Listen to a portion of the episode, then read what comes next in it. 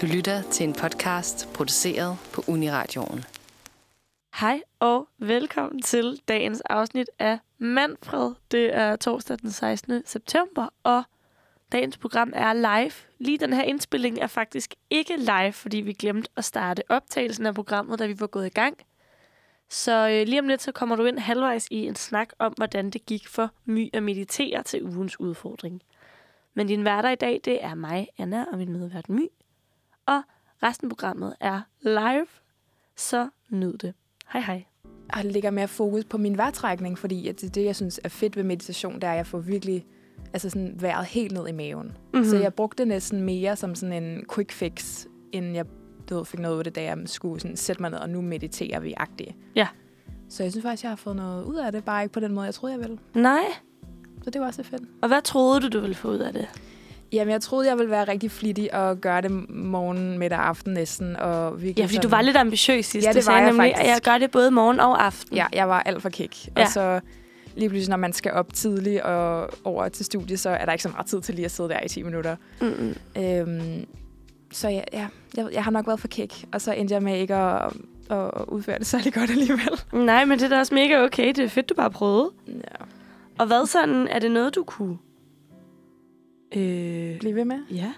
Ja, i en ideel verden vil jeg virkelig gerne meditere hver dag, fordi jeg har gjort det fast før, og jeg synes, og det er svært at sætte finger på hvad- præcis, hvad det er, det gør, men det gør bare et eller andet ved sådan roen og fokus og ja, altså igen, det er virkelig svært at få beskrive, hvad det er, Mm. øhm, men fordi jeg var mega moderne menneske, så brugte jeg Headspace-appen. Har du hørt om den? Ja. Ja, og Kender. den er ret dyr faktisk om måneden.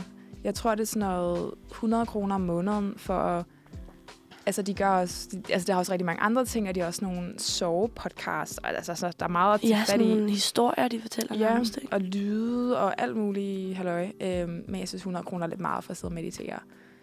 Ja, Så. Men den er vær- virkelig fed, så det kan godt være, at jeg bare skulle tage mig sammen. Jeg tænker, det giver meget mentalt i den anden ende. det tror jeg også, det gør. Jeg tror også, at der er meget over at gøre det til en, til en ting, man implementerer i sin hverdag. Mm. Så Mm. man netop måske står op 10 minutter før, for at gøre det, eller sådan. Ja. For jeg tror, det i sidste ende gavner os rigtig nok. Altså rigtig godt. ja. Men, altså, det ved jeg ikke. Jeg er jo heller ikke... Nå, har du ikke mediteret sådan... Øh, du har prøvet det før. Jeg har prøvet det før. Ja. Ja. Jeg har prøvet, jeg havde en periode, hvor at det var min familie, som havde meldt os til sådan noget meditationshalløj, noget, der hedder TM Meditation. Ja. Som Transcendental... Tran, Ja, det har jeg hørt om. Transcendence... Er det ikke sådan noget, øh, Meditation. Beatles gjorde i 60'erne? Jo, og øh, David Lynch og Nick Mm, Cave ej, og sådan noget. Ja. Og det var meget fedt. Så fik jeg et mantra, og så skulle jeg sidde 20 minutter hver morgen og 20 minutter hver aften og gøre det. Mm. Og min familie gør det stadig. Nå, Stort set hver morgen og hver aften. Jeg øh. Gør det not so much. nej. Men jeg kan godt lide en gang imellem. Jeg tror, jeg prøver, cirka tre gange om ugen, tror jeg, jeg hører sådan en guided meditation. Nå, hold da. Og der, dem finder jeg nemlig bare på YouTube. Det er det, jeg Ja. skulle til at sige. Ja, jeg tror også, det ville have Der er altså også mange gode mig ting. faktisk, hvis jeg havde gjort det i stedet for. Ja, Også fordi man kan sådan... Altså et minut eller fem minutter er sådan lidt svært at bedømme, når man sidder der med lukkede øjne. Det er sådan, når der er en guided, og man ved, at man skal sidde der i 10 minutter, så er det sådan lidt nemmere bare at slappe af i det, synes Ja. jeg. Hvor jeg hele tiden sådan, sådan åbner det ene øje, sådan, okay, hvor lang tid er der lige gået? Og Ja, har man nemlig. lige fået en sms i mellemtiden? Og, ja, ja, og man kan Ja. blive så utålmodig, og det der med bare at sidde og stige, det kan føles lidt som spild af tid. Sådan her er det i Ja. hvert fald. Men Så der synes jeg, føler- guided er godt. Ja, men jeg føler, at jeg er sådan skuffet over min egen indsats, så det er lige før, jeg vil give mig selv udfordringer og prøve igen, eller et eller andet. Men skal vi høre dig om en uge så? det synes jeg faktisk, hvordan fordi det jeg er faktisk, gået? Ja, jeg er faktisk lidt skuffet over mig selv. Jeg synes godt, at jeg kunne have gjort det bedre, faktisk. Okay. Men jeg vil gerne join dig. Skal vi gøre det sammen så? det kan vi da godt så. Sige minimum 10 minutter hver dag. Ja, Og seriøst jeg- gør det. Ja, det gør jeg. Kan vi, også, kan, kan vi gøre det? Det tror jeg godt, vi Det kan. kan, tror jeg faktisk godt, vi kan. Ja, vi har også travlt for tiden, så det, det vil hjælpe os, tror jeg. Ja, og det er jo det, der er så, altså, det er det, der er så komplekst, synes jeg. Jeg synes altid, at de perioder, hvor jeg har allermest brug for at få mediteret, så Mm. er det aldrig der, jeg faktisk mediterer. Nej. Men, Men- skal vi meditere på en sang, så? Det synes jeg, vi skal. Ja.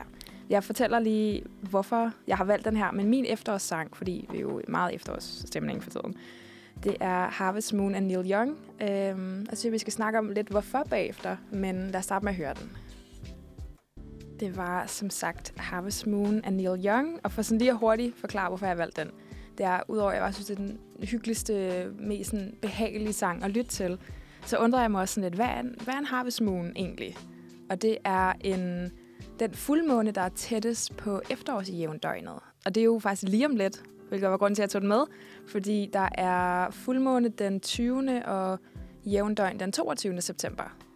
Så det kan Gud. man lige have i mente. Det er jo lige om lidt. Ja. Det er jo faktisk på ved, mandag og på onsdag. så lyt til den de dage, og tænk på, hvordan det var, at landmændene i gamle dage brugte den her fuldmåne, fordi den var ekstra lys Ja. til at høste ting om natten. Så Det er altså også vildt sejt. En Mhm. ekstra lysende måne. Det kunne være meget spændende lige at undersøge, er den faktisk ekstra lysende? Jamen, øhm, ja, det er noget med den også, at månen, du før og dagen før og dagen efter er sådan ekstra lys også, så det føles som om, der er fuldmåne der også. Ej, hvor Uden spændende. helt at, og at, øh, at have videnskaben på min side. men, men lad os fortsætte i efterårstemaet og Ja. tage den her lille quiz, du har fundet, hvor vi skal finde vores efterårsæstetik.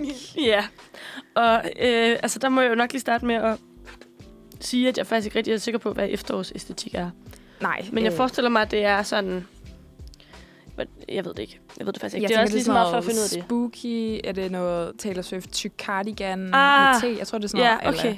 Har du allerede på forhånd en fornemmelse af, hvad din efterårsæstetik den er? Nej, jeg føler, at de, man kan aldrig helt regne med BuzzFeed. Altså, der er altid sådan lige en fra højre, lige pludselig er jeg sådan noget øh, Halloween-films æstetik, fordi jeg har valgt, at jeg godt kan lide at se Scream eller et eller andet. Ah, på Altså, den måde, synes, ja. de, de kan... Det kan Ja. gå alle veje hen.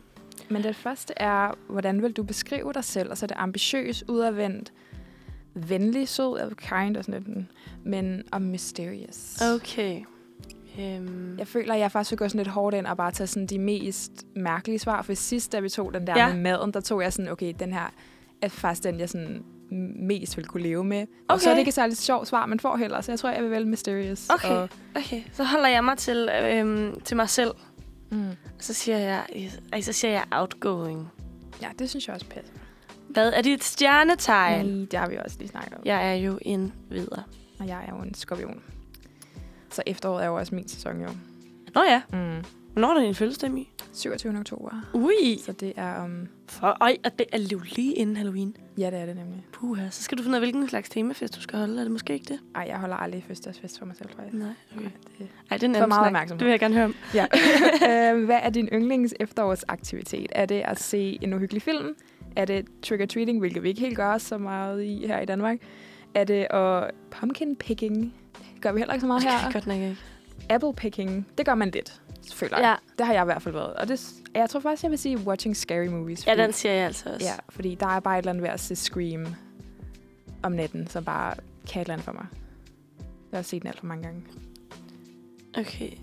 Og det næste er, hvad er dit efter øh, dit yndlingsaspekt af efteråret? Mm. Om det er det, at øh, bladene skifter farve, eller er det pumpkin spice, som jeg ikke ved, hvordan den smager. Ved du, hvordan den Har du smager? aldrig smagt sådan en pumpkin spice latte fra Starbucks? Nej, det har jeg faktisk ikke. Har du? Ja, for mange år siden. Øh, meget, meget sød. Ikke så meget græskar egentlig, øh, selvom det, det er det, de reklamerer med. Bare sådan meget, meget sød og sådan lidt krydret. Smager fint. Okay, nice.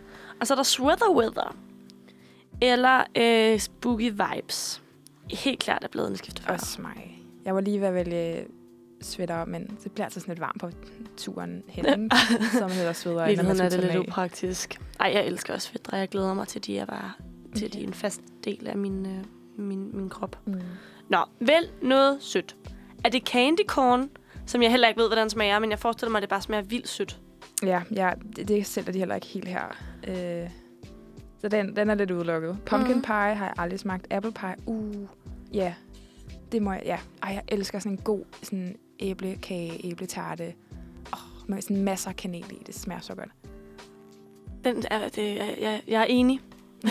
Hvad var det, jeg prøvede at sige? Så og så er der det chokoladebar. Jeg siger, øh, jeg siger simpelthen chokoladebar. Jamen, det, det, må, det har du også lov til. Siger du æble til det? Gør jeg. Okay. Hvad vil du så klæde dig ud som til Halloween? Uh. Skulle det være bare Noget- noget uhyggeligt? Fake blod maske det hele. Something no one even knows. Det føler jeg, jeg vil vælge sådan noget totalt esoterisk, som jeg sådan skal forklare hele aftenen. Sådan, det er det her, det betyder for, at jeg sådan, okay, kunne det ikke bare have sådan smurt noget blod i ansigtet eller eller. Øhm, og så er der sikkert en af mine yndlingskarakterer, en Hogwarts-elev, Marvel-karakter eller Cleopatra. Ja. Og noget simpelt, som en, et spøgelse eller en heks. Og der må jeg vælge min meget esoteriske noget, ingen ved, hvad er. Okay, så siger jeg bare noget hyggeligt. Og til sidst, sidst men ikke mindst, hvilken efterårsfarve relaterer du mest til? Eller kan du bedst lide? Er det orange, gul, brun eller rød? Gul. Jeg kan godt lide røde blade, faktisk. Også fordi himlen tit er sådan helt grå, og så er det sådan et rødt, sådan rødt træ Mm. inde i Ørstedsparken. Det Det er altså flot. det. Nå, har du fået dit Jeg svar? har fået mit svar. Hvad er det? Jeg har fået Halloween-vibes. Ej, jeg vidste, at der kunne komme sådan en. Der står, du har fået Halloween-vibes. You are generally a spunky, bold and adventurous human being. Ja. Øhm, det er rigtigt, jeg kan godt lide Halloween. Jeg kan godt lide Halloween-fester. Jeg kan godt lide skræmme. Jeg kan også godt lide trick-and-treating. Jeg har altid Mm. været trick-and-treating. Nå, Øh, til Halloween også. Altså som barn. Nu gør jeg Ja. ikke noget længere. altså Rest aldrig har gjort før. Har du ikke det? Nej. For mig var det Fastelavn lige så naturligt at gøre det til Halloween, som det var Nå, til sjovt. Fastelavn. Ja, jeg fik Dark Academia. Er det noget, du har hørt om? Nej. Nej, okay. Jeg, den, jeg har hørt om det. Sådan lidt en æstetik, der florerer lidt generelt på nettet, men den har ligesom fået sådan en, sådan en ny bølge på TikTok, fordi af en eller anden grund, så altså, tjekker jeg stadig TikTok. Ej, okay. Og hvad hedder det, sorry? Dark Academia, sådan mørk sådan skole, universitets vibe. Der står Ej, her, øh, at jeg generelt er meget intelligent, introvert og mystisk person. Jeg har ofte en bog i min hånd. Jeg har også en bog i min taske hele tiden, øh, og jeg kan godt lide at være sammen med mig selv. Det passer Øhm, da som udgangspunkt meget godt, gør det? Ja, og så står der, at mange mennesker måske ser mig som lidt lukket, men jeg er faktisk bare sådan lidt specifik med, hvem jeg har lyst til at være min inner, inner circle, og hvem Ja! jeg virkelig stoler på. Ej, okay, sorry, jeg lige Det var siger lidt det. creepy, men, Men det var meget sandt. en BuzzFeed-quiz spot Ja, oven på dig, den, den, der. den ramte lige i dag. Altså, fordi du sagde tit, eller du sagde sidste der med, at du er ret hurtig til at fornemme, hvem du godt kan lide, og hvem du ikke kan lide. Mm, det er sandt. Jeg har sådan lidt spider senses med, om jeg synes, nogen er sød, eller og jeg ikke kan stole på dem. Ej, hvor er det grineren.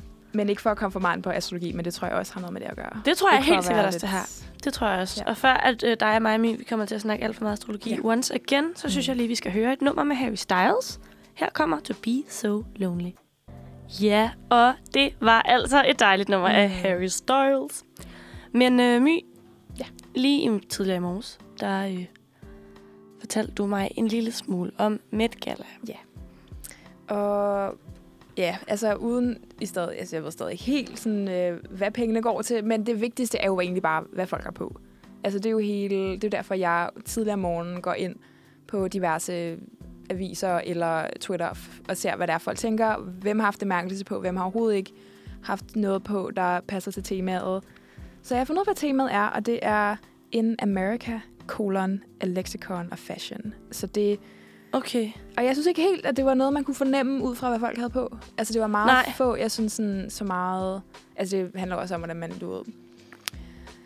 Fortolker det. Ja, lige præcis. Jeg havde forventet lidt mere sådan denim og sådan noget. Mm. Der var, det var der nogen, der havde på. Øhm, men jeg tror, fordi øh, folk har fået så meget kritik før, for ikke at have tøj på, der passer til temaet, at nu tænker de bare, okay, vi skal bare have det vildeste tøj på, og så må det passe. Fordi nogle gange møder folk op i sådan en eller anden simpel silkekjole, Ja. og så er de sådan, done. Så nu, der var en, der havde sådan en, øhm, sådan en, et hestehoved på, What? Ja, hvor...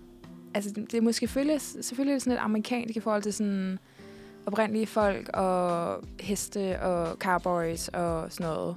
Men jeg ved ikke helt, om jeg køber den. Nej. Men er der nogle kjoler, du sådan umiddelbart lige kan huske, at du kunne lide? Øhm, åh, oh, ja, maps, map, map. Altså, jeg... Altså, jeg kan faktisk ikke huske så meget det med en røm. Nej. Jeg øh, tænker lidt, at jeg kan i hvert fald huske øh, Rihannas, Mm, som ja, var sådan, den der kæmpe sort. dyne, hun havde taget Ja. på. Som var en kjole, den var ret sej.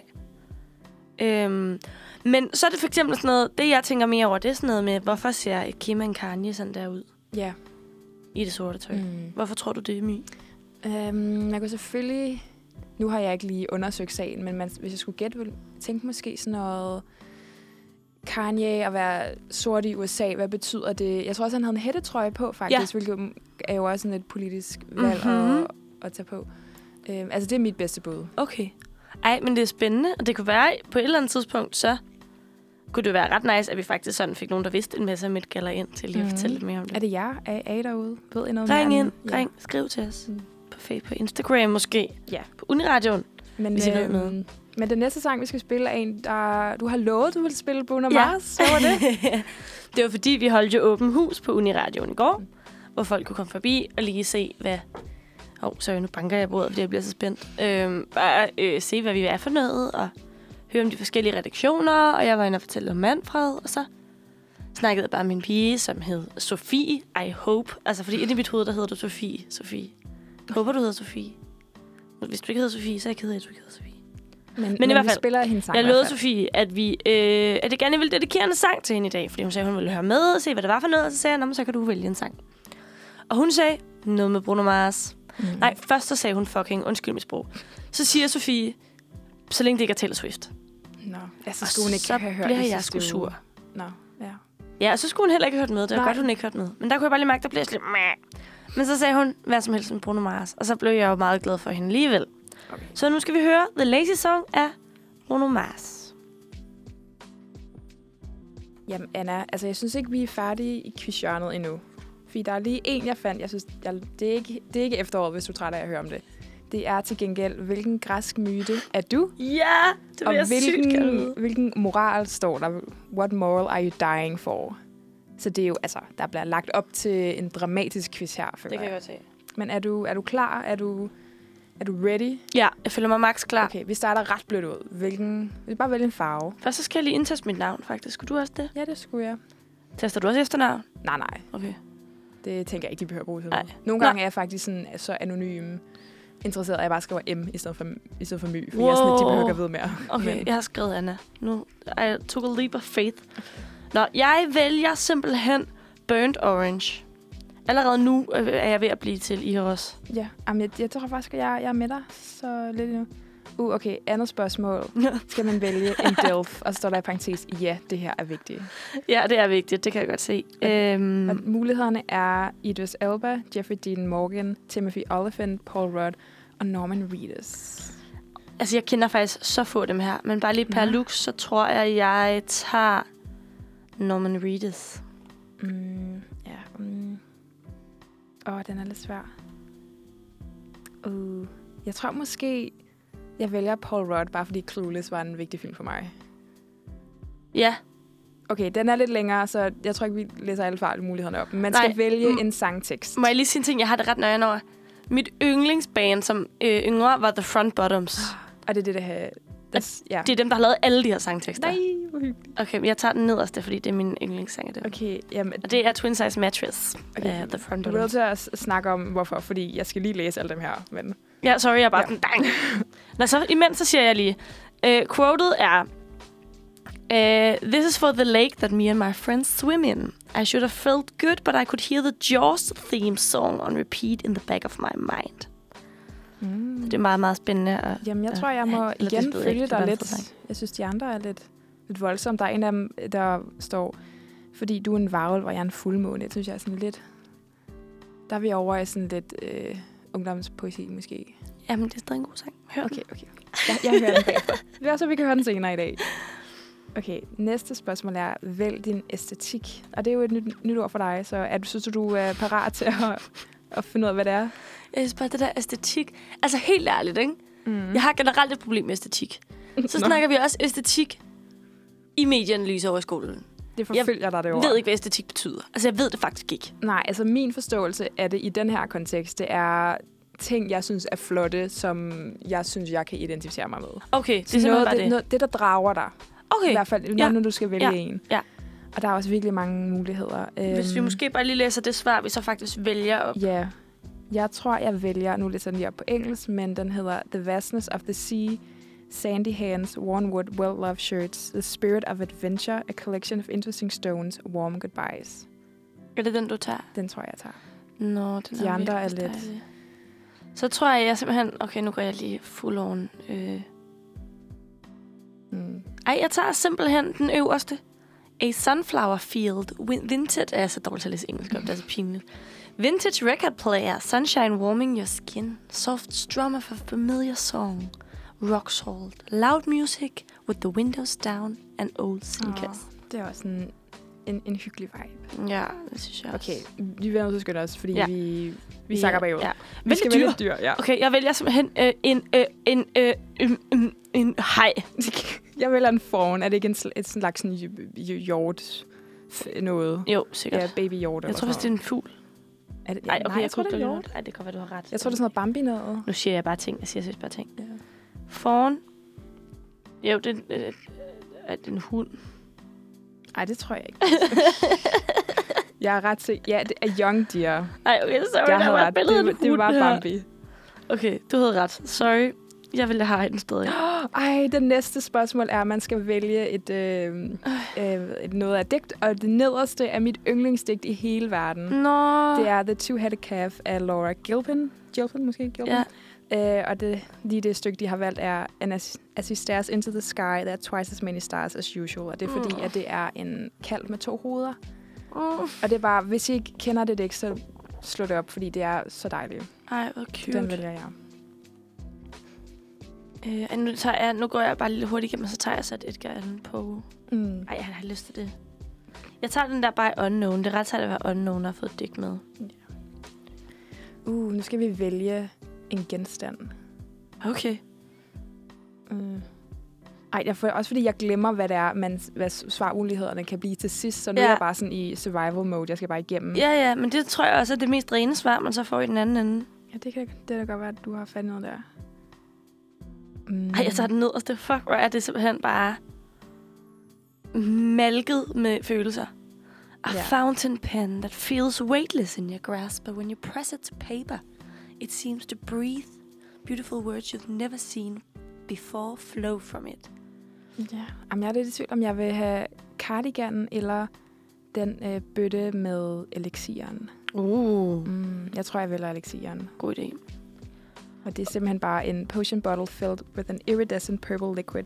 The tag identifying it seems to be in some strange language you've never seen, and if you listen closely, it seems to whisper. Oh, cute. Cute lige frem. Og spændende. Okay, den næste er Nu skal du vælge en blomst. blomst. Jeg tager simpelthen øh, øh, en, mm, en daisy. Long live Margrethe. Ja, okay, jeg tager en pink rose, tror jeg. Okay. En karaktertype, du altid er øh, attracted to. Uh. Og ja, okay, der er Lawful Evil Villain, Cha- Chaotic Ja, Good Hero. Jeg tager simpelthen Lawful Evil Villain. Der Der er, er du en af dem? Ja, jeg er en af Der er dem. også en Lawful Hero who wants to choose you, but you must choose a destiny instead. Og det tror jeg. Jeg tror, jeg er lidt ude efter det tragiske. Ja, ja, helt sikkert.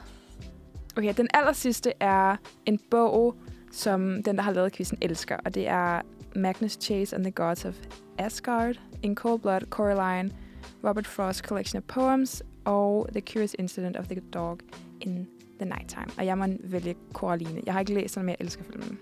Ja, jeg øh, joiner dig faktisk i den. Okay, men det er lige før, vi får det samme svar, så. Okay, Ja. men så bliver det spændende nu jo. Ja, men jeg fik... Min myte er Slain, Avenging a Lost Love, Died for Revenge. Ah, smukt. Mm. Ja, min er øh, Brave the Siren Song, Died for Pride. Oh. Det passer Ej, meget din er godt. lidt sjovere. jeg vil da også være sådan sirene. Det er lidt sjovere. Jeg har bare slået nogen ihjel på grund af kærlighed. Det er fordi, du er skorpionmy. Helt seriøst. Ja, jeg synes tit, det fører tilbage til det. Det er sådan, alle veje fører til stjernetegn i dag. Det tror jeg virkelig også. Nå, men, øhm, men vi har simpelthen kysset for meget, så nu er vi, Ja. vi er under pres. Så skal vi ikke høre The Gadget Song af Lydmor? Jo. Yes, sir. Det var altså The Gadget Song af Lydmor, som uh, fun fact, My spiller på uh, KU Festival i morgen. Jamen, du skal da ud og høre. Det skal jeg. That I shall. Nå, men samtidig med, at efteråret er kommet, og regnen er kommet, og kulden er kommet, Mm. mm. så skal vi altså til at snakke om serier. Ja. Og for god ordens skyld har jeg også lige lyst til at sige, at øh, hvis man lige er tunet ind på radioen nu, så lytter man til Manfred. Vi er dine værter My og Anna, og klokken den er nu 10 minutter i 10. Jamen, skal vi hoppe direkte til serier? Det skal vi. Fordi jeg vil rigtig gerne høre, hvad du ser. Jeg kan ikke, nogle gange så overrasker det lidt, hvad folk ser, så jeg er Ja, lidt nysgerrig. Det gør det. Så, Øhm, og det her er sådan din, din altså bedste serie, det er anbefalingen til årstiden. Eller hvordan er, hvor er vi henne? Jo, jo, det er det. Okay. Det er det faktisk. Det vil jeg sige. Jeg har udvalgt to, som er anbefalingen til årstiden. Anbefalingerne nu. Ja. Okay, det er dårligt på. Vi læser slet Hej, jeg dansk. hedder Anna, jeg læser dansk. Jeg kan Ja. godt bøje et substantiv mm. i flere år. Men I hvad er flere det? år. Ja, okay. ja. ja, den første, det er øh, serien Downton Abbey. Mm, okay. Og det er simpelthen bare fordi... Har du set den? Ja, jeg har set, øh, hvis jeg skulle gætte, to-tre sæsoner. Nå, Og nå. Ja, så jeg, jeg kender godt lidt til det, men af en eller anden grund kørte jeg totalt død i det, og så tror jeg, det blev fjernet fra Netflix, og så tænkte jeg, okay, det er skæbnen, jeg holder op. Ja. Og så startede jeg bare ikke igen. Nej, Men, men du har et lidt øh, mere kært forhold til det. Mm. Og hvorfor lige til efteråret? Er det... Ja. Hvorfor lige til efteråret? Altså, jeg tror, at det er fordi, at det er bare en vild binge-worthy serie. Og den er... Du ser skeptisk ud. Jeg gider, yeah. okay, men jeg, nu, nu, nu præsenterer jeg den bare lige alligevel. Det er fordi, jeg, jeg, synes, ej, jeg synes bare, at den er vild. Øh, altså binge-worthy, og den er fed. Og det der med, at, at, det, altså, at der sker så meget drama, men det er aldrig rigtig dramatisk, fordi at... Jo, det bliver også fucking dramatisk. Puh, hvor sker der mange dårlige ting senere okay. hen. Men det er ikke lige nu. Lige her, jeg har lige startet forfra på serien, så lige nu er alt idyll, og Mm. Oh, folk er bare sådan lidt ulykkeligt forelskede i hinanden, Ja. men de finder over hinanden tit, og det er bare vildt dejligt at Mm. se. Og så er de vildt mange smukke kostymer, og de bor på det her kæmpe slot og snakker så godt, og Maggie Smith spiller bare oh, den ja. fedeste bedstemor, Mm.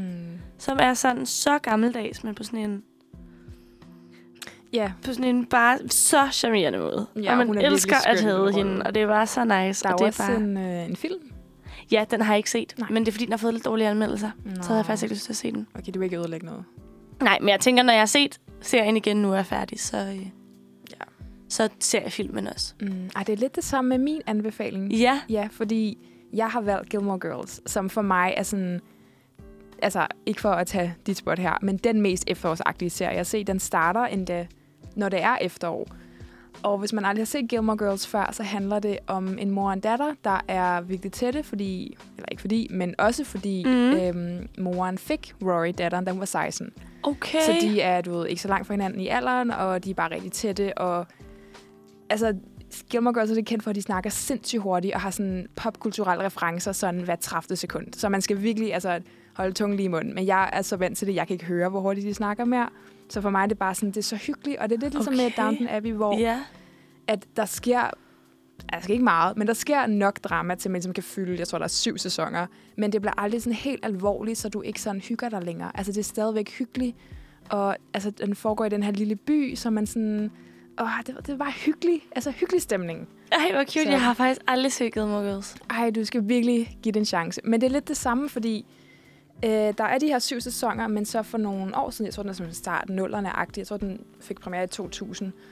Øh, men for nogle år siden, der kom der en ny sæson med fire afsnit med årssider. What? Så jeg er også lidt i gang med, har det givet op, men tror jeg starter igen, starter op igen, øh, med at se den hele, og så skal ja. jeg se de nye afsnit. Okay, for dem har du heller ikke set endnu. Det har jeg, Okay. men hver gang jeg ser dem, så ændrer jeg mening om, hvordan jeg har det med dem. Nå, hvor vildt. Sidst synes jeg faktisk, de var virkelig gode, og andre gange jeg sådan det behøvede de ikke at lave det her. Ej, Også fordi den slutter meget. Jeg vil jo selvfølgelig ikke spoil noget, men Nej, den tak. slutter øh, ja, besynderligt. Okay. Det er fordi, igen uden at spoil noget, så fik de, dem, der skrev serien øh, i de første seks sæsoner, blev enten fyret eller sagde op til den syvende sæson. Så det er ikke dem, der har lavet det sidste. Så den, og hun har altid snakket om hende, der har lavet den, Amy Sherman Palladino hedder hun, fordi jeg har set et, øh, rulleteksterne mange gange. Mm. Hun har altid sagt, at hun, har, hun ved præcis, hvordan det skal slutte. Altså, det skal slutte med, at nogen siger fire ord. Og så fik hun jo ikke lov til det. Nej. Drama. Men ja. det fik hun så lov til i de nye afsnit. Og uden at sige for meget, oh! så synes jeg ikke helt, det er det samme. Men Okay, så de der fire... Altså, siger hun så fire ord til sidst? Nogen siger de fire ord, ja. Som, og, man, og man vidste ikke, hvad de var, fordi Nej. hun har bare holdt det hemmeligt i 16 år. Altså, hvilket også er ret imponerende. Ej, jeg vil så gerne vide, hvad de fire ord er. Vil Ja, du kunne men- sige de fire ord uden at spoile? Altså, er det Nej, afgørende? øh, det er ikke afgørende, men... Mm, ej, jeg tror faktisk, jeg vil hellere lade være. Okay, ja, der er også, ja, ja det er jo heller ikke fordi- kun til mig, du siger det, det er jo også til en radio. ja, også det. fordi det er sådan... Så vildt bliver det helt aldrig i Gilmore Girls. Så Nej. det her sådan... Ja. Også fordi... Ja, jeg, ej, jeg vil ikke engang sige noget. Tak. Jeg kan sige det til dig, når vi spiller sangen, så kan, så kan du få det at vide. men, men ikke helt endnu. Nej, ej, men jeg vil, okay, jeg kan faktisk mærke, at når jeg er færdig med Downton Abbey, så er det på tide, jeg skal give, give mig Ja, om- og det er bare... Og de har bare sådan... Der er sådan en hyggelig sådan, tempo i det. Altså, fordi så starter de altid, du ved, i huset om morgenen, og så tager de over på Luke, som er dineren, og får morgenmad og kaffe der, og så... Er det sådan lidt Friends-vibe? Mm, nej, egentlig ikke. Fordi det er sjovt, men det er ikke sådan haha sjov sitcom-agtigt. Det er sådan Mm. drama. Og der er jo også øhm, drama med, at hun blev gravid i en så tidlig alder, så hun måtte Ja. flytte fra sine forældre, og så hele sådan, præmissen ved serien, det er, at for at betale for Rory-datterens privatskole, så skal hun til middag hver fredag aften hos sine forældre. Og hun er jo sådan et uvenner, frenemies med sine forældre. Ja. Men de bliver nødt til at være der fredag aften, så hver afsnit skal de jo ligesom til Friday Night Dinner. Så det er sådan, der var sådan en god sådan bogstøtte, du ved, ved start og slut. Og, Ja. mm, det Ej, var, hvor spændende. perfekt. Ej, det vil jeg så gerne se. og der var sådan, ej, nu snakker jeg virkelig meget sorry. men der var som, de går virkelig meget op i den her lille by med sådan højtider og festivaler, mm. så der er altid sådan en mærkelig høstfestival, eller Thanksgiving parade, eller så er altid et eller andet. Er det en, amer- det er en amerikansk serie? Mm. Ja. Det lyder også. Ej, hvor fedt. ja. Det synes jeg er en god anbefaling. Jamen, jeg synes, du skal, du skal se den. Må jeg så lige anbefale en sidste ting tilbage Ja. til dig? For jeg kan godt se, at Downton Nej, Abbey giver, går ikke rent ind. Nå. Så øh, er der kommet en ny, et nyt sådan lidt reality-program på Netflix, Mm. som hedder Familiefirmaet, er den danske titel, og La Chance er så den franske titel. Okay. Og det handler om en, øh, om en øh, familie med to forældre og så fire sønner, som er voksne alle sammen. Ja. Eller den ene er 16, de andre er 25 til 31. Og de arbejder som ejendomsmalere. Ah, okay. Og det er reality, siger du? Og det er reality, Ej, så man følger ligesom dem, de arbejder sammen og har det her firma. Der er navnet familiefirma. Øh, og så er, er pointen egentlig bare sådan, at de ligesom leger de dyreste lejligheder ud til de rigeste mennesker i Paris. Ej, hvor sjovt. Så de er selv sådan en ret... Ej, de er selv også lidt sådan. Man kan godt mærke, de har penge. Man kan godt mærke, de omgås Mm. nogle fede mennesker. Men de er også bare en familie, så man ser dem også bare ligesom være sammen som familie. Men så ser man også bare så mange smukke pariserlejligheder.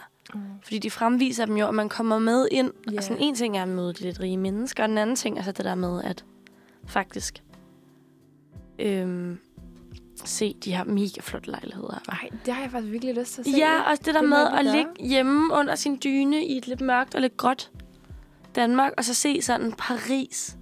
Lækkert. Og så lige det der med, jeg at lejlighederne så jeg koster seriøst sådan noget 70 millioner my. Hold Altså, det er sådan nogle overdrevet lejligheder.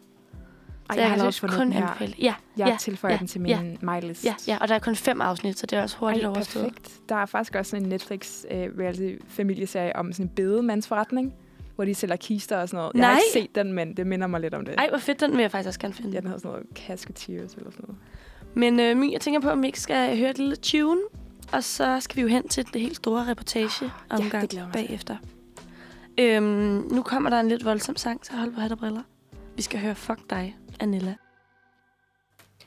Yes. Og det var altså Fuck dig, Anilla. Hun siger Fuck dig rigtig, rigtig meget. Men nu er klokken altså blevet 10.0 dut, og det betyder, at vi er halvvejs i dagens program af Manfred. Jeg hedder Anna. Jeg er din vært i dag sammen med My. Ja. Og nu skal vi faktisk til noget nyt, som vi ikke har prøvet om torsdagen før. Nej, Det, det er, at vi skal spændende. høre en reportage. Og her på Uniradioen, der har vi også et reportagehold, som tager ud og oplever en masse ting og laver reportager derfra.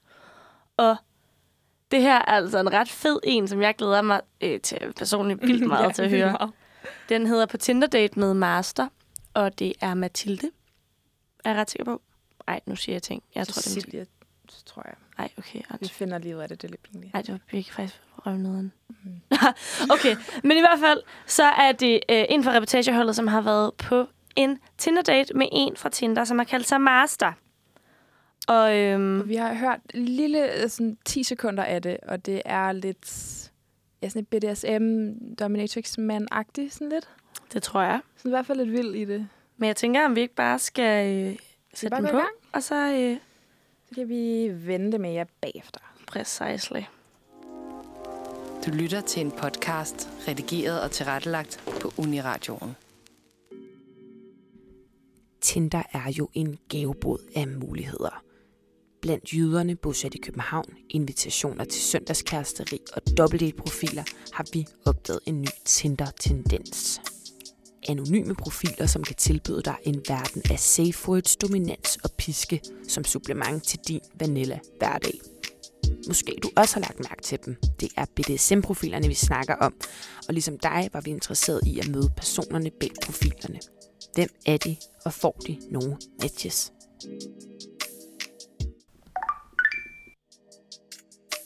Den 10. marts matcher vi med en anonym profil under navnet Master.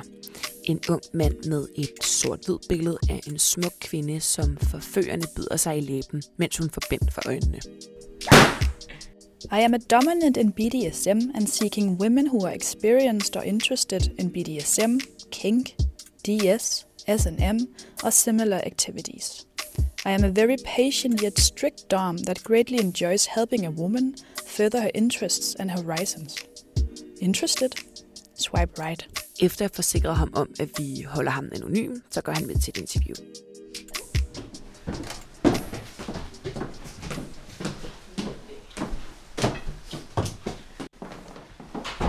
Oh, do you want us to take our shoes off? Uh, yes. Yeah, of course.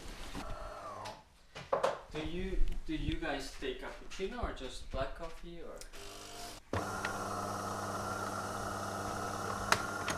So BDSM it stands for bondage, dominance, and sadomasochism.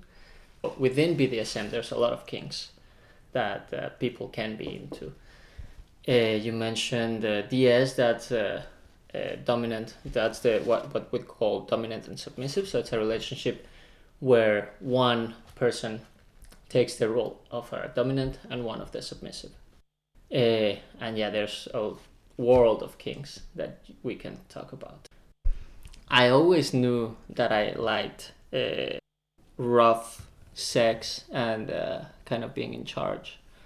And I started using Tinder and uh, I matched with a girl on a normal profile. Um, and we basically started talking about sex and she told me that she um, she was into this thing BDSM and I as you did I went and researched all these things and, and what that meant. And then we we kind of uh, agreed that she would come over to to my apartment and she would not be allowed to look at me. And uh, then when when we came uh, to my place I blindfolded her and then basically we did all the things that we talked about on our Tinder conversation. I mean that one experience I wouldn't call that um, real BDSM because it's a one-time thing. So um, you cannot really develop dominance over one one meeting uh, or there's a lot of different things. Like you some people like to color their subs once they're really their subs. Like if i have sex with a new girl i of course can spank her and whip her and all these things but that doesn't mean i'm, I'm her her dom right? That means i'm a random guy beating her ass. Uh, but uh, over time these things develop. So yeah after that experience uh, it was a, a, a quick introduction but then uh, i got much more, more more into it. So how do you develop the dom submissive dynamic? Dynamic is it Mhm. only sexual or is it also like in like everyday stuff mm-hmm. in each other's lives? Um, well, it it also depends on on your partner and what you both want, right? And there's people that live the the twenty four seven dynamic where the submissive would basically, if you go to the extreme, they would ask for if if they can eat certain type of food or if they can uh, some people even ask about going to the bathroom like hey can i use the bathroom now? or this type of thing so uh, it develops over time. If if with my tinder profile i sometimes match with girls that right away right away they write the hi master and how are you? But i don't really like this because if i match on tinder i'm not their master i'm i'm just a, i'm just a new match and then from from that moment we can build up uh, and then i can become that at some point but not from the moment we we match So it's like a relationship escalating. yeah exactly just like a normal Yeah. uh, relationship that you you you we call it vanilla Yeah. uh, like uh, just in, in, in, in vanilla relationships they of course you don't match with a with a guy and you would call him hi boyfriend it's uh, it's similar But do you also have is it also romantic for you Mhm. when you have those kinds of relationships or is it strictly sexual? Well, for me right now, it's uh, mostly sexual, but I am open to to find uh, a romantic relationship. Yeah. But can it be both? If you're the master of your girlfriend, is that a thing? Yes. Yeah, of course. Uh, it would be just like a, a, a normal relationship where there would be a role of uh, of dominance and, and of submission. But of course, it can be. There's a lot of people that are married and are into the the dynamics. So of course, there's there's romance involved in this type of relationships. Have you have you had a girlfriend that started as a master submissive relationship or as on Tinder or something that started like a BDSM relation and then it became more romantic? Well, I've actually never had a girlfriend, uh, but I have developed more um, like uh, instead of just meeting for sex, we can go on like real dates. Go, we can go for dinner, coffee, etc. Um, but I've never had a like a girlfriend, girlfriend. But I've had uh, uh, submissives that we we don't call it girlfriend boyfriend, but uh, I would I would say that we were in a relationship where we don't only meet for sex, but we meet for a lot of other things as well. What kind um how do you say that? Your perfect submissive dominant relationship, how much control would you want to have of her life? Hmm. Well, I myself know that if I do find a girlfriend, I would be in an open relationship. And I've thought about this, and for me, it would have to be a, an open relationship where I'm in control of who she meets. So I would have to approve that, and I, I, I have done that before with submissives that um, we agree that if they want to go on a date or or can I say bad words? Or like okay. Uh, or if they want to fuck a, a new guy then they would ask me and I would approve. Uh, so definitely that would be a part of uh, a relationship that I would want to have. And um, sometimes if we're going on a date I, I, I can choose um, the outfit. I like doing that. Um, but I don't go to these extremes of uh, if they want to go to the bathroom, they can ask me. I, I I'm not really into that. Um, this I actually on Tinder I found girls that want to try this also to accomplish different type of goals that they they need someone that uh, holds them accountable for for whatever they want to accomplish. So I've had also relationships where if they say for example they want to lose weight then they they do have to ask for permission for um, certain foods that they want to have uh, outside of of, of uh, what is accepted. But of course we agree on these things and uh, we talk about what she wants and, and, and we build from there. For me it's not all about sex. It's uh, the the the, the roles of uh, being in charge. Um, yeah, even outside the bedroom. That's So- how I like. Du lytter til en podcast produceret på Uniradioen.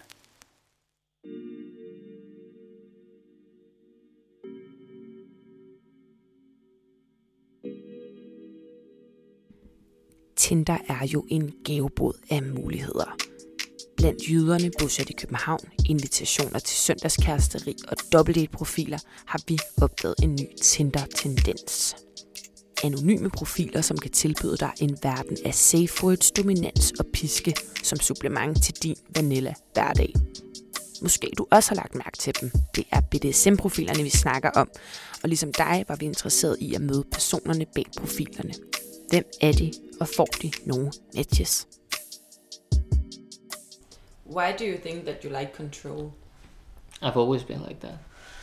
Like uh, I'm, I'm not sure. Like growing up, uh, being in high school, I was always the the kind of guy that if we're in a group um, project, I'm the one taking the lead, and I don't know if that if it has to do with uh, why I'm like this, but I'm just trying to make uh, some sense of it.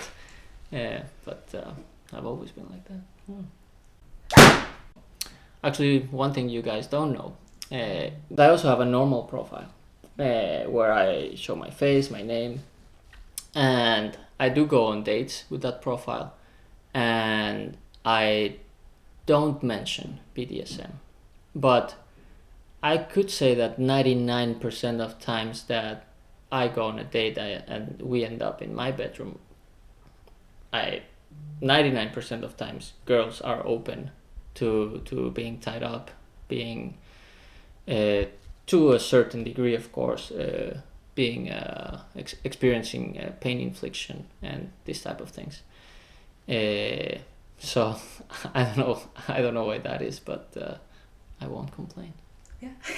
so why do you have two different profiles if that is the case? Mm, I actually I the normal profile I just have it. I just still have it because uh, that's what I had in the past. Uh, but in that profile, I don't want to write anything about BDSM because um, uh, I don't want friends to see my profile or especially colleagues, and I just keep it because I just already had it. Uh, and the BDSM profile, I, I, yeah, that's the one I use the most actually. But of course, there's the downside of not having a picture in that profile, so sometimes it can be a little waste of time. You know? Yeah, because I'm very curious towards like how popular is that Tinder profile because I see a lot of them, Yeah. and I always think like, who are they? Yeah, yeah. Um, and I would be skeptical towards going on a date with someone I didn't knew who Yeah. was. Mhm. So, do you get a lot of matches? I do get a lot of uh, matches, but uh, like I said, it's sometimes a waste of time because, of course, I'm not everyone's type, and I'm okay with that. Uh, so it happens a lot that we match, and uh, the the first thing I always say is, uh, should we switch to a, a different app where I can share a picture, and then, uh, yeah, it's it's uh, it depends what's going to happen then. I send a picture sometimes they stop replying or sometimes they will continue to be interested and then we we we go from there Just like dating. yeah exactly. I mean i mean once you do the the the switch from this bdsm profile to uh, let's say whatsapp then it's basically like we matched on a normal profile because if you go on tinder and you match with a guy you only see his pictures. And now with me i'm also a guy but you probably you know that i'm into things that if you're into as well then it might be a good match but uh, yeah i think what i've heard a lot maybe it's because of the media or whatever some people think bdsm is uh, for crazy people or uh, that is weird or strange and crazy um, I would say I'm a normal guy. the most important part of BDSM is that is that it has to be sane and consensual. So both parties need to agree on what you what you both want to explore, and uh, you have this conversation about it. In yeah, in Fifty Shades of Grey, which I'm not uh, a big fan of, you have this contract uh, and that is a thing in BDSM where, where you communicate about what your boundaries are. You don't do that really in a normal relationship. I guess there's this lack of communication, but of course there's um, there can be assholes anywhere uh, in BDSM or also in in in um, normal dating. If you're a dom in BDSM, it doesn't mean that you're that you can do whatever you want and that you're uh, and that you can be an asshole. Uh, what I like, the way I like to see it is that actually the, the submissive is the one that is in charge, actually, because she's the one, or he, uh, whatever. The submissive is the one that sets the boundaries. So, in a way, they are the one in charge of how much they allowed the dominant to do. For you, what what would you like focus on when you're seeking for someone on Tinder, for example? Uh, so that would be, it's called DLG, and it's a daddy little girl. I'm the daddy. I'm not sugar daddy. That's a, a whole different thing as well. Uh, and then the little girl, it can be that she likes praise. Have you ever tried being the submissive? No, I actually haven't. But uh, I actually matched with a with a girl on Tinder that uh, she told me right away that she's usually the one uh, being in charge, and that she wanted to explore being on the other side, and I thought that was interesting. So we met, and yeah, I was in charge, and then afterwards she told she told me that she actually works as a professional dominatrix. Yeah. So she asked me because now her fantasy is for me to be her submissive uh, and i'm actually thinking about it because it would take me out of my comfort zone but i think it's also important for for for the dom to know what the submissive is going through and what what she's thinking while all of these things are happening so i might do that then we can have another talk afterwards yeah. i'll let you know how it went Bonus episode. yeah Um, is there any certain type of, I guess, woman hmm who likes you? Do they have any similarities, or is it like all different kind of women? to be honest, there's all kinds. Eh, it can be young or older, uh, divorced. That uh, I've I've met with uh, older women that they they they say that they've been uh, married for 15 years and that their sexual life became very boring and that now they're ready to explore and and it's always fun. What about like, is it mostly experienced women or is it curious, interested? No, I think it's mostly um, uh, just curious that they have never tried before, and uh, and yeah, maybe they see it in the movies. I think I I mentioned earlier that I don't like Fifty Shades of Grey because that to me that's more abuse than than than a consensual relationship because this I think Anastasia she's uh, kind of uh, more scared of this uh, Mr. Grey that she needs to try these things otherwise he will leave her and then in this other movie I can't remember if it's 360 days or whatever the guy abducts her for a year and keeps her prisoner and all these girls are like oh this is so hot uh, ooh but uh, to me that's that's uh, that's not BDSM. That's just abuse. Yeah, and they, they portray the dom as in uh, as this uh, guy that he was uh, he grew up and there was this older woman beating him up and he grew up with all these issues and he's all fucked up in his head. I don't think that's uh, so people that I think that's why people think that BDSM is so crazy because it, it sounds like you need to be fucked up since you since your childhood to to to become like this but i had a happy childhood and a normal life and have a good job and I, I really I, I live a you could say normal boring life so yeah When you meet someone new, Mhm. um, do you always meet up, you know, at a private home, or do you start with? Is is there sometimes an initi- initiating date, or Well, usually it would be uh, we, it would be meeting at my apartment for a glass of wine, unless they want to try something different, like what I told you uh, with the girl that wasn't allowed to look at me, and that has happened as well. Not a lot. Uh, it has happened that uh, they they would come up to my apartment blindfolded and not be allowed to look at me sometimes they would first ask me for a picture, but it has happened that they have no idea what I look like, and to me that's very interesting. It's a part of it, maybe. Yeah, and and it's a bit unfair to say, but sometimes I think about if it was me, I probably wouldn't do it. you know, like I probably wouldn't um, go to an, a, a, girl's place without knowing what she looks like and just showing up there.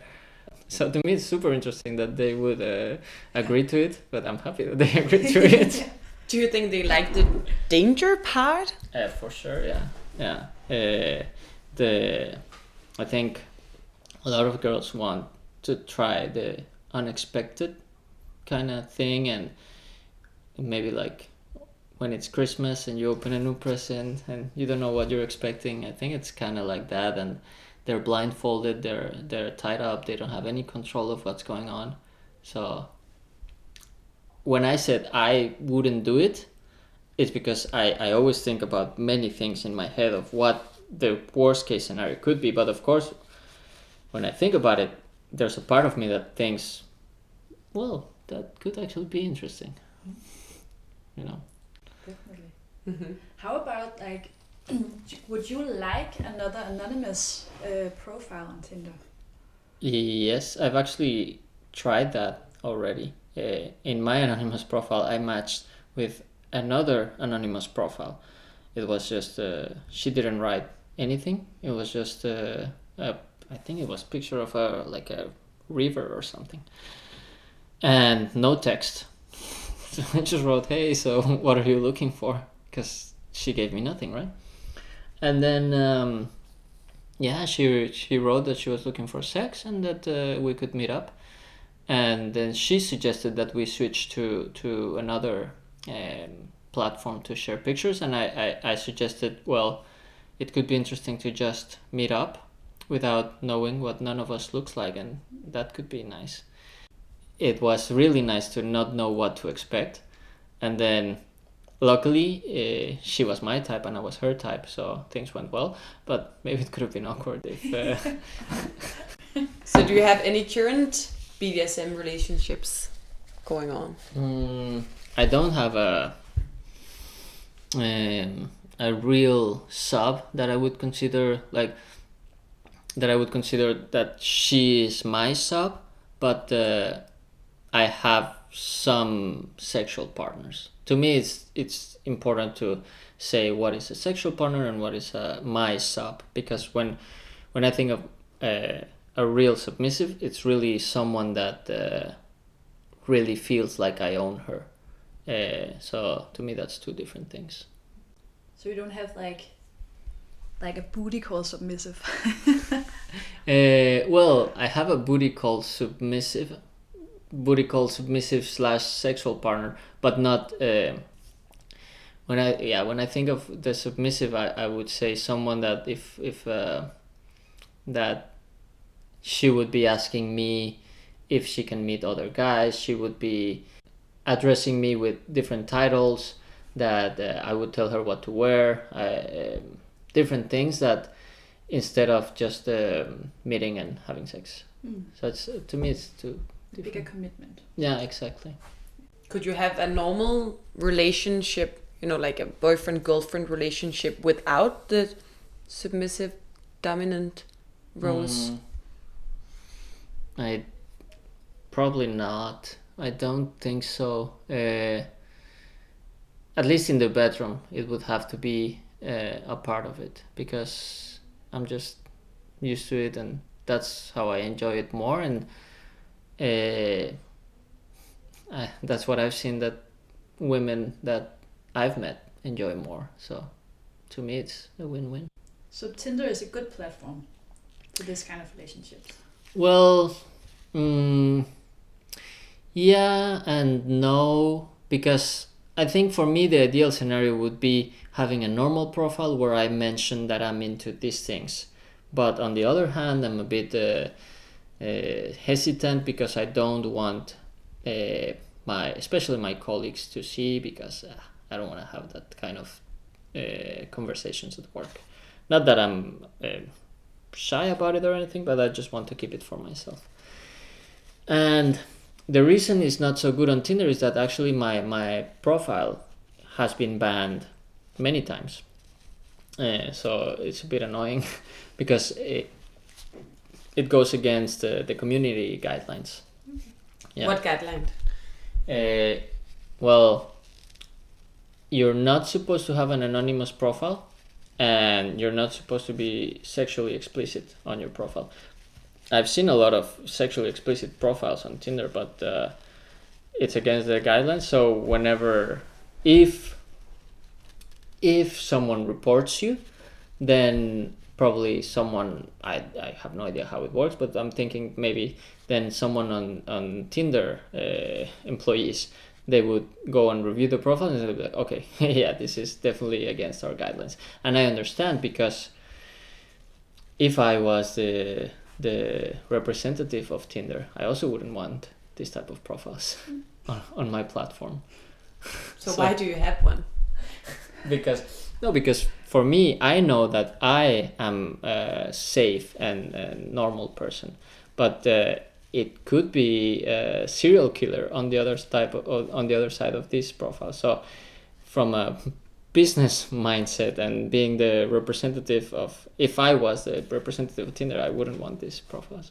If they were all like me then of course all of full of uh, this type of profiles but uh, it's not like that I think it's just that it's the most popular uh, dating platform.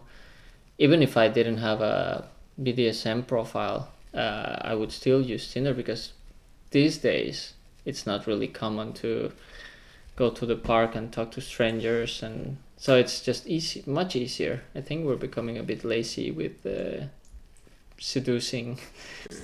Yeah, I wanted to ask actually if you've noticed a specific like age segment Mm-hmm. on Tinder or anywhere else. Mm, that match with my BDSM profile. Yeah, is it mostly young young girls or I think it's mostly 25 to 30, um, and a few younger ones and a few older ones. But if we want to say the average, would be between 25 and 30. Yeah. do you? I don't know. It's so okay if you don't want to answer this, but but how young and how old uh, does your Tinder profile go? It goes from lowest to highest. So I don't limit it on my profile, but I, I limit it once I do a match. Then that's when I'm when that's when I decide Oh, okay. if I want to talk to someone or not. Cool. Your best advice to someone who would like to explore Mhm. BDSM. What would you? What would that be? Mm, I think the most important part is to find a, a partner that you trust and that you you know that he or she will respect your your boundaries. Yeah, I think you, you, you need to find a guy that or a girl that understands that this whole thing is about being consensual and keeping things uh, sane and uh, I've heard actually of doms that tell their submissives that they that uh, they don't use safe words. Safe words are very important because once you talk about the things that you want to explore, maybe it's things you haven't tried before, so you don't really know how you're going to react. So it's always important to have a, a safe word so that you can stop uh, immediately. And I would say that's a very red sign if one if, if a guy or a girl right away tells you, "Oh no, I don't use safe words," and that happens a lot. So I think What is your safe word? red. Is that like a typical safe word? Yeah, I think it's the most common safe word. Uh, yellow for slow down and red for stop. I, I, I'm actually curious what you guys think, what you guys thought that I would be like. Were you nervous of like, would I be a like, if I would have a picture of Satan uh, hanging on my wall, or if I'd be like giving you orders, or would I be an asshole? yeah. I I think for me it was mostly that it's someone that I don't even know how what looks like. Like it's totally anonymous, so it would always be not skeptical, but like I want to be safe. I was just curious to know what you looked like and who was behind the profile. Mm. But you wouldn't have done the the podcast blindfolded. Probably not. Maybe with like a...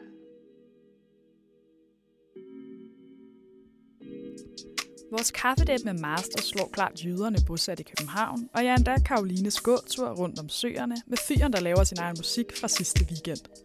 Master viste sig at være både sød og sjov, og jeg er selvfølgelig bare en helt normal fyr. Masters BDSM-eventyr startede på en random Tinder-date, og han får nu masser af matches for nysgerrige kandidater. Vi er derfor spændte på, om denne Tinder-tendens breder sig, og vi i fremtiden vil se endnu flere masters i vores feed.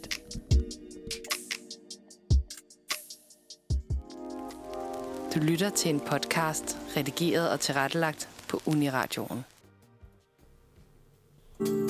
Wow, det var højt. Ja, Hvad, velkommen tilbage til Manfred jo. Det var den lang pause. Hvis man har tændt for radioen og tænkt, hvad dulen var det den sidste halve time, det lyder godt nok ikke som live radio, så var det fordi, vi lige har hørt en reportage lavet af Cecilie og Karoline Fedt. fra vores Godt reportage. styr på det. Ja, og hvad synes du om den nye? Jeg synes, jeg forventede noget mere lummert, og jeg blev faktisk ret positivt overrasket. Jeg synes, han lød, som om han havde styr på sit, sit shit. Ikke for at bande Ja. radioen igen. Ja. Men han virker også sådan, som om han hvilede meget i sig selv omkring det her. Altså, det var ikke... Ja, jeg, jeg synes faktisk, det, det virkede meget sjovt. Altså, Ja. ikke, altså ikke altså, BDSM, men bare hvordan han sådan forklarede det på. Han virkede sådan... Ja, han virkede sådan flink nok. Man ved ikke helt, altså han sagde mm. Også, at det var en anonym profil, og han har ikke noget billede af Ja. sig selv, og men altså, hvem er det så? Altså, er du mærkelig? Men han virkede ikke mærkelig. Nej, han virkede nemlig flink. virkelig flink og virkelig velreflekteret over sådan hans ting, og det der med, at han også havde en almindelig Tinder-profil, og også datet mm. almindeligt, for jeg, kan, altså, jeg er jo nogle gange swipet forbi sådan nogle på Tinder, Mm. hvor at der enten ikke er noget billede, eller så er der ligesom kun et anonymt billede af deres krop, eller et eller andet andet billede, som indikerer noget BDSM en art. Og jeg tror ligesom, jeg har tænkt, okay, hvis det er et menneske, som ikke vil vise sig selv frem, så er det måske på en, som er det fordi, der på en eller anden måde er en lille smule sådan frygt for at... Øh, ja, hvad, skal, hvad mener jeg egentlig? Altså det der med et eller andet med ikke at sådan ville ses, eller ville Ja, er der noget galt? committe sig til det. Ja, præcis. Mm. Men det giver jo sygt god mening, at det er jo også i forhold til at lige at sådan beskytte hans privatliv, og han ikke Ja, bare har et billede af sig selv med overskriften. Master, ja. Ja, præcis. Så øh, ej, det synes jeg bare var vildt spændende at høre om. Ja, jeg tror- også at der er så mange sådan regler og ting, man gør og ikke gør, og sådan, sådan et øh, etik inden for Ja. BDSM. Det havde jeg heller ikke lige overvejet, at der var. Så det var, øh, det var også meget fint. Men vi er jo lidt en smule presset for tid, faktisk, i dag. Ja. Så jeg tænker måske, vi lige skal snakke om Idas udfordring. Mm-hmm. Mm. Nu er hun jo her ikke i dag, men vi har skrevet til hende, så kan være, at hun lige kan nå at svare med sin live-reaktion. Ja. Øhm, Og den søde Ida, hun er syg. Hun ligger derhjemme og har ondt i halsen. ja, så hun plejer sig selv. God bedring. God bedring, Ida. Men, Øhm, øh, men du vidste heller ikke, hvad det var, så jeg synes bare, vi lige, jeg forklarer det til dig. yes. Vil det du lige forklare ugens udfordring? Ugens udfordring er, at det er noget nyt, vi er begyndt på her efter sommerferien, hvor hver uge nogen får en udfordring, de skal lave løbet af ugen, og så sådan lige rapportere tilbage, hvordan har det været, har jeg lært noget af en ny person, eller et eller andet. Mm-hmm. Og ja, sidste uge skulle jeg meditere, det var jeg så ikke så god til. Forrige uge skulle du spise noget nyt hver dag. Og det gik meget godt. så jeg tror, du, du har først præmien inden for udfordringer lige indtil videre. Men der er jo ikke øhm, noget bedømmelse på det. Det handler bare om, hvordan man er vokset som menneske. Det tror jeg begge to, Ja. vi er. Det er det, der er det vigtigste. Jamen, og det er også lidt i det spirit, spirituelle hjørne, vi fortsætter mm. i faktisk. Fordi Ida skal arbejde lidt med noget, der hedder på engelsk Positive Affirmations. Er det Ja. noget, du har hørt om? Er det, har du forhold til det? Øh, du skrev det til mig i går aftes, og jeg spurgte, Ja. hvad er det? Mm. Og jeg har stødt på ordet før. Jeg ved, min søster har lavet noget meditation i den dur, hvor du sådan hver dag i en uge skal give dig selv en affirmation, og næste uge en ny affirmation. Men jeg tror, jeg har været i tvivl om, hvad det egentlig indebærer. Ja. Så du må gerne uddybe det. ja, altså det er jo sådan noget New Age spiritualitet. Øhm, og jeg ved ikke, ikke helt mere om det end sådan lidt overfladisk, at du bestemmer dig for nogle specifikke ting, du så siger til dig selv i spejlet morgen, aften, et eller andet, og så siger ja. Du det flere gange, og så er teorien så, at jo mere du siger det, jo mere vil du tro på det, og jo mere vil det sådan, pff, altså sådan blomstre i dit eget liv. Så hvis det kunne fx være, jeg kigger mig selv i spejlet om aftenen og siger, jeg kommer til at sove så godt i aften. Og hvis jeg så siger det, så kommer det også til at ske. Aha! Det er sådan, og sker et eller andet sådan under, i underbevidstheden eller et eller andet. Ja, Og så kan det jo selvfølgelig være mange ting. Det kan være, hvis man søger job. Jeg får et job. Jeg får et job. Bla bla, så videre. Så man kan sådan lidt vælge ud fra, hvad man vil arbejde på i sit eget liv. ej, hvor fedt. Så det kan også være, som jeg skal også sige, det kan også bare være sådan noget, ej, jeg er super lækker. Og så begynder man at tro på det, hvis det er lige det, man vil arbejde på.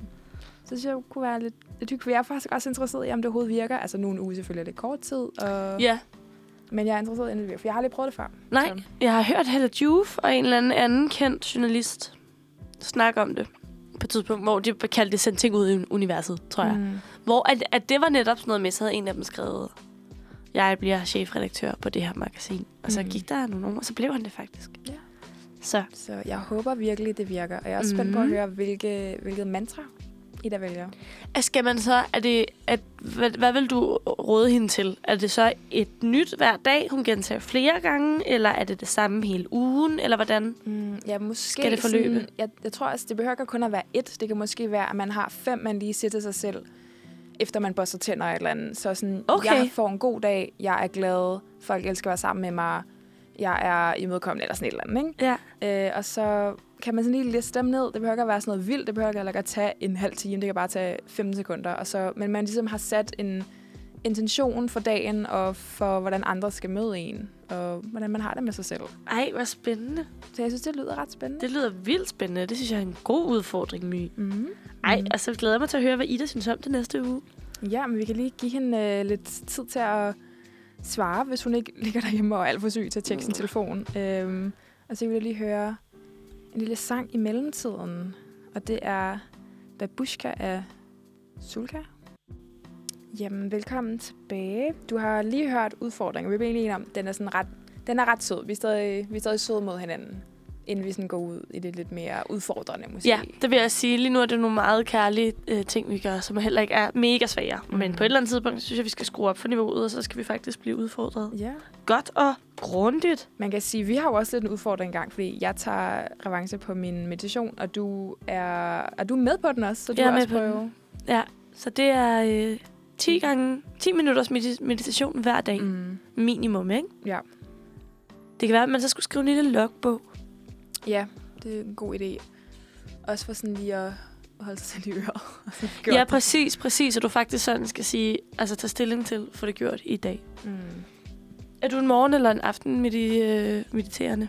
Aften. Men ikke nat, og hvilket var problemet sidst, fordi sidst var det sådan noget, hvor jeg lige lagde hovedet på puden og var sådan, gud, jeg skal Åh, meditere. Ja. hvor man også er så søvnig, at jeg kunne ikke sådan helt slappe af, for jeg var bange for, at jeg ville falde i søvn eller et eller andet, hvor jeg tror, jeg er nødt til at gøre det sådan, du ved, efter aftensmaden Ja, agtig. Ja. Så det tror jeg, det er en bedre plan. det tror jeg lyder rigtig godt. Øhm, men nu er øh, dagen ved at... Ej, jeg står og gaber. Uha, godmorgen, venner. Nu Det- er det her program ved at... Øh, Ja, det er 11. time her. ja, ja. Nej, okay. Stop bare med. Ja, vi er ved at være færdige for i dag. Det har været en fornøjelse at sende med dig, My. Mm, ja, lige måde. Næste uge, der holder du øh, fridag. Det gør Nej, det gør du ikke, for du har jobsamtale. Ja. Må, øh, vil du fortælle, hvad det er for job? mm, Det ved jeg faktisk ikke. Ja, um, det er... Øh, ja, altså det er i Rundetårn. Nej! That one. Ja, lige, lige, lige det ene faktisk. Ja. Ikke det andet Rundetårn, men lige det her en ikke så langt. Ja, ja. Nej, men det er sådan noget... billetsal, rengøring-agtigt. Cool. Ja, så det er du mig klar? Er der, skal du forberede noget? Til. Oh, jamen, jeg, bliver, jeg bliver så nervøs inden, øhm, inden sådan nogle jobsamtaler og så videre. Men så går jeg over i sådan survival mode på et tidspunkt, hvor jeg sådan, det bliver nødt til at blive gjort, og jeg bliver nødt til at være der, når det bliver gjort. Så det, er sådan, det bliver okay. altså sådan, jeg bliver nødt til at gøre det jo, så der Ja, er jo ikke ja. nogen andre muligheder, end at det skal være okay. Ja. Og så er jeg sådan, huit, god, er sådan performance mode, ligesom når man skal til eksamen, Ja. hvor man bare bliver sådan, du ved, altså sådan Shakespeare holder kraniet og sådan, og så skete det her, og jeg er sådan, hvem, hvem var det derinde? Altså, Ja, jeg ja. ved ikke, det var. Så jeg Åh, håber, det bliver sådan. Men, Ja. men ja, altså, jeg har tit været til samtaler, eller jobsamtaler, hvor jeg bagefter tænker, ah, måske burde man lige have øvet et eller andet inden. Så det kan godt være, jeg... Mm, Så ser de bare den ægte my. Ja, men vi kan se, om, de kan lide den, eller lide mig så. Mm-hmm.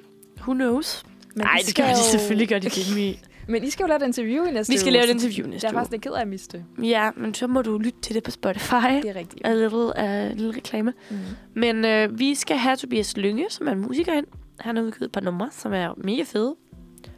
Han kommer ind til en lille snak om det at være musiker, og hvordan hans, øh, hans øh, skriveprocesser er, når han øh, skal skrive en ny sang, og hvad der ligesom ligger bag de sange, han indtil videre har skrevet og udgivet. Ja, så det bliver mega spændende. Mm. Og øh, der kan man jo bare lytte med til, at han kommer ind i tiden snakker lidt, og derudover Nice. Ida tilbage. Måske har vi fået nye medlemmer. Ja, det altså, I skal jo melde jer. Altså, og Ja. jeg kan også lige se, at vi har fået Idas reaktion på udfordringen nu. Fedt. Hun skriver som følger. Uh, den er sjov. Den vil jeg da klart give et forsøg. Det bliver nogle super cringe optagelser.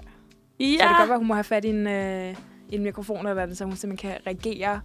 Det var det, vi snakkede om. Øh, sidst ville det også være Nå. fedt, hvis man fik sådan lidt live øh, Ja. imens, at det ikke bare sådan, her er min uge, men man faktisk skal høre noget af det. Ej, jeg vil føle mig super beæret over at få lov til at lytte til nogle af hendes affirmations. Nå, ja, ville det, er jo, være det, mega er, fordi det er jo sådan lidt privat, jo. Det er jo hvad man har lyst privat, til at, nemlig. Altså, det, Jeg ville da synes, ja. det var grænseoverskridende, at I skulle mm. høre, hvad jeg sagde gode ting om mig selv. Men det er jo igen det der med, at man jo helst ikke må tro, man er noget jo.